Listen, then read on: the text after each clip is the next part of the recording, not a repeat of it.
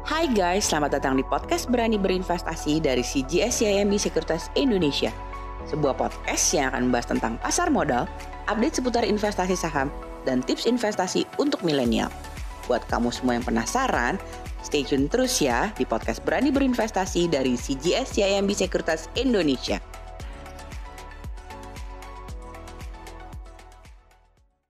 Halo teman-teman semua, apa kabar? Mudah-mudahan kalian kabarnya baik-baik aja ya dan sehat selalu tentunya. Dan di hari ini tentunya uh, kita bertemu kembali nih di podcast Berani Berinvestasi bersama CGS CMB Sekuritas Indonesia. Nah, podcast kali ini kalian akan ditemani oleh saya Aditya Perdana dan juga rekan saya sesama retail riset analis dari CGS CMB Sekuritas Indonesia yakni Fani Suherman. Saya sapa dulu Fani. Hai Van, apa kabar? Hai Dit, baik-baik. Oke, baik. Sehat ya? Sehat dong. Kamu gimana? Alhamdulillah sehat juga. Oke Van, uh, jadi di podcast podcast kali ini sebenarnya kita akan lebih ngomongin mengenai market ya dan update terkait dengan ekonomi ke depannya seperti apa. Jadi buat teman-teman semua dengerin terus podcast kali ini tentunya karena uh, banyak banget insight yang akan kita bagikan ya. Nah, saya ada pertanyaan nih Pan di awal nih Pan. Jadi kalau misalnya kita lihat nih Pan ya, uh, saat ini potensi ekonomi Indonesia ini terlihat mulai recover atau membaik ya Pan. Menjelang lebih banyaknya orang yang mulai dan sudah divaksin, apalagi nanti akan dimulainya vaksin gotong royong nanti Pan. Bener banget nih Nah memang untuk vaksin gotong royong ini memang akan uh, dimulai di minggu ketiga Mei ya tahun 2021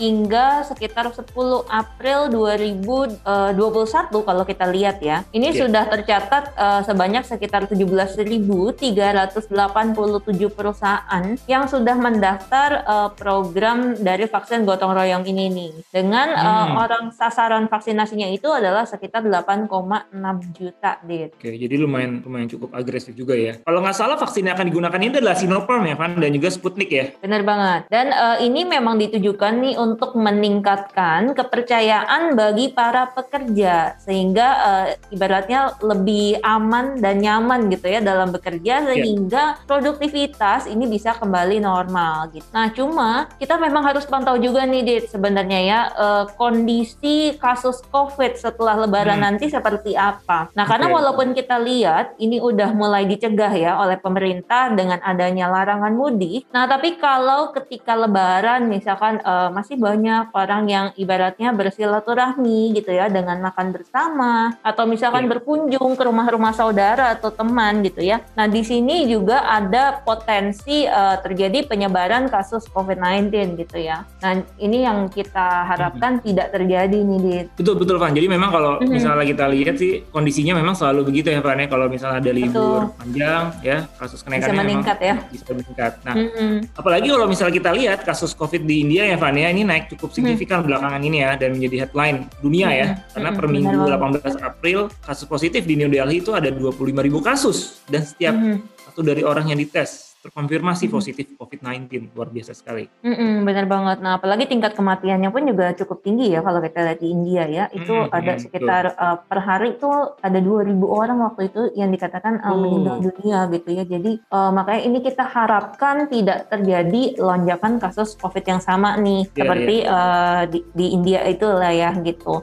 Mm. Nah, uh, untuk itu juga nih makanya New Delhi memutuskan memperlakukan uh, ibaratnya lockdown wilayahnya itu sejak Senin tanggal 19 uh, eh, April 2021 hingga sepekan ke depan nih. Nah, memang keputusan ini diambil mengingat uh, penyebaran virus di kota itu ini sudah begitu masif ya, Dit. Uh, jangan sampai nih Indonesia benar-benar uh, terjadi lonjakan lagi gitu ya, karena pastinya ini akan uh, sangat mempengaruhi ekonomi kita ke depan gitu. Dan pastinya ini akan jadi katalis yang negatif ya kalau ada uh, lonjakan kasus yang besar lagi nih. Iya, karena kalau dilihat sekarang ini sejauh ini kan kita udah mulai uh, cukup macet ya, ramai juga mm -hmm. ya di mall dan ini tentunya mempengaruhi juga nanti dari sisi konsumen ya kepercayaan konsumen mm -hmm. yang kalau kita lihat dari beberapa data terakhir itu kan sudah mulai ada perbaikan positif. Nah, mm-hmm. lalu ada data apa lagi nih Van yang yang menarik ya Van bisa kita cermati Van? Nah, memang sebenarnya ekonomi kita itu diprediksi akan mulai pulih itu sekitar uh, second quarter dan third quarter tahun ini ya. Dengan catatan uh, kalau seandainya nih kasus Covid uh, tetap terkendali gitu. Nah, salah satu data yang menarik itu sebenarnya yang menunjukkan bahwa uh, ekonomi kita itu mulai recover adalah data nasional semen demand nih, Okay. Di mana kalau kita lihat uh, per versi 2021 untuk national cement demand ini naik 2% year on year. Nah, di mana hmm. ini adalah kenaikan pertama kali setelah empat kuartal berturut-turut membukukan negatif growth gitu. Iya, memang karena tahun lalu kan first Q dan sampai dengan 4Q kan itu permintaannya jelek terus ya fan semennya. Hmm, nah, benar negatif ya. Jadi udah ada belum uh, angka yang memang cukup membanggakan fan untuk semen? Nah, kalau kita lihat uh, per Maret 2021 volumenya itu tumbuh sekitar 11,4 persen year on year dan kalau kita bandingkan secara month on month itu ada growth sekitar 15 persen gitu ya. Nah ini setelah memang uh, positif pertama itu terjadi di bulan Februari kemarin di gitu. Nah yang menarik adalah double digit growth di bulan Maret ini nih ditopang oleh kenaikan dari back cement sales volume yang tumbuh 17 persen year on year. Nah ini kenapa bisa naiknya uh, double digit gitu ya positif dari adanya renovasi-renovasi rumah nih karena uh, kita tahu di masa pandemi ini kan uh, lebih banyak orang yang work from home gitu ya Dit ya. Nah pastinya uh, lebih ingin uh, dapatkan suasana yang nyaman gitu ya di dalam rumah sendiri nih. Makanya mungkin ada uh, peningkatan dari renovasi yang akan uh, menopang demand dari permintaan back cement tadi. Oke, okay, jadi mm-hmm. dari sisi back cement ya. Kalau dari bulk cement sendiri gimana Van penjualannya? Nah untuk cement ini di bulan Maret ini masih minus 6% year on year. Jadi kalau kita lihat nih secara overall ya, memang untuk bulk semen ini masih agak slow karena memang untuk a new infrastructure project sebagian besar ini belum dimulai. Nah, okay. tapi di satu sisi kalau kita lihat dari uh, spending infra yang besar nih ya di tahun ini, justru ada potensi sebetulnya di second quarter 2021 proyek-proyek infrastruktur ini akan mulai berjalan. Jadi memang uh, cukup menarik ya, menarik hmm. ya Pan. Nah, kalau kita lihat dari segi seasonal ya Pan, memang di hmm. uh, second quarter memang biasanya volumenya juga akan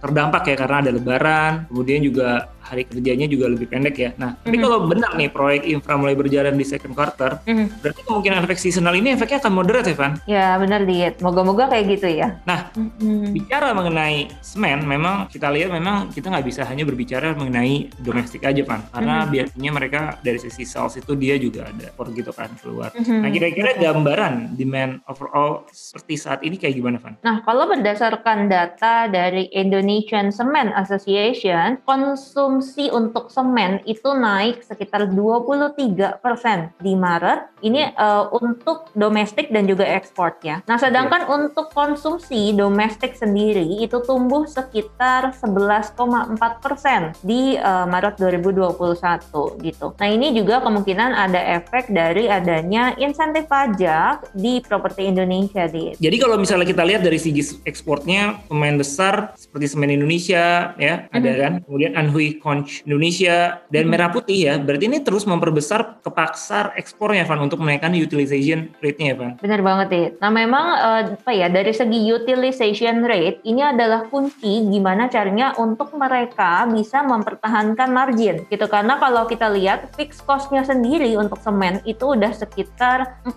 sampai dengan 45% dari total production cost. Data terakhir nih dari uh, mereka bertiga ya yang tadi ada sebutin ya ada semen Semen Indonesia, Anhui Cons, kemudian ada Merah Putih, itu uh, naiknya tuh sekitar 113% year on year di hmm. uh, Maret 2021 gitu ya. Dan kalau misalkan kita pakai data first key 2021, maka ini ada kenaikan sekitar 129% year on year. Nah sebenarnya Indosemen dan Bosowa ini juga mulai masuk ke pasar ekspor. Tapi memang uh, ini ekspornya masih kecil ya, karena di situ ada masalah jarak antara produk production plan dan juga dengan pelabuhannya. Oh menarik. Nah Van, pertanyaan terakhir hmm. nih Van. Kira-kira prefer mana nih Van antara SMGR dan INTP tentunya? Dari segi SMB sendiri ini lebih menyukai SMGR dibandingkan dengan INTP karena ada uh, beberapa alasan ya sebetulnya. Nah setelah SMGR dikonsolidasi dengan SBI di mana ini yang sebelumnya bernama Holcim ya, uh, maka ada strong pick up cement sales volume di Jawa pada Maret 2021 satu. Nah, di mana growth-nya ini ini lebih tinggi dari growth volume uh, dari Jawa milik INTP gitu. Dan keuntungannya setelah mengakuisisi Holcim, maka SMGR ini bisa mempertahankan premium pricing nih di empat home marketnya ya, yaitu ada hmm. Jawa Timur, Jawa Barat, Sumatera, dan Sulawesi. Nah, selain itu juga uh, eh, SMGR ini punya lower transportation cost sehingga dia uh, bisa menaikkan apa bisa menaikkan utilization rate juga ya dari segi ekspor hmm. dan uh, lower financing cost gitu sehingga potensi uh, untuk bisa menaikkan earnings growth-nya. Bagus banget uh, data-datanya Van yang tadi udah di-share. Nah, hmm. teman-teman hmm. semua,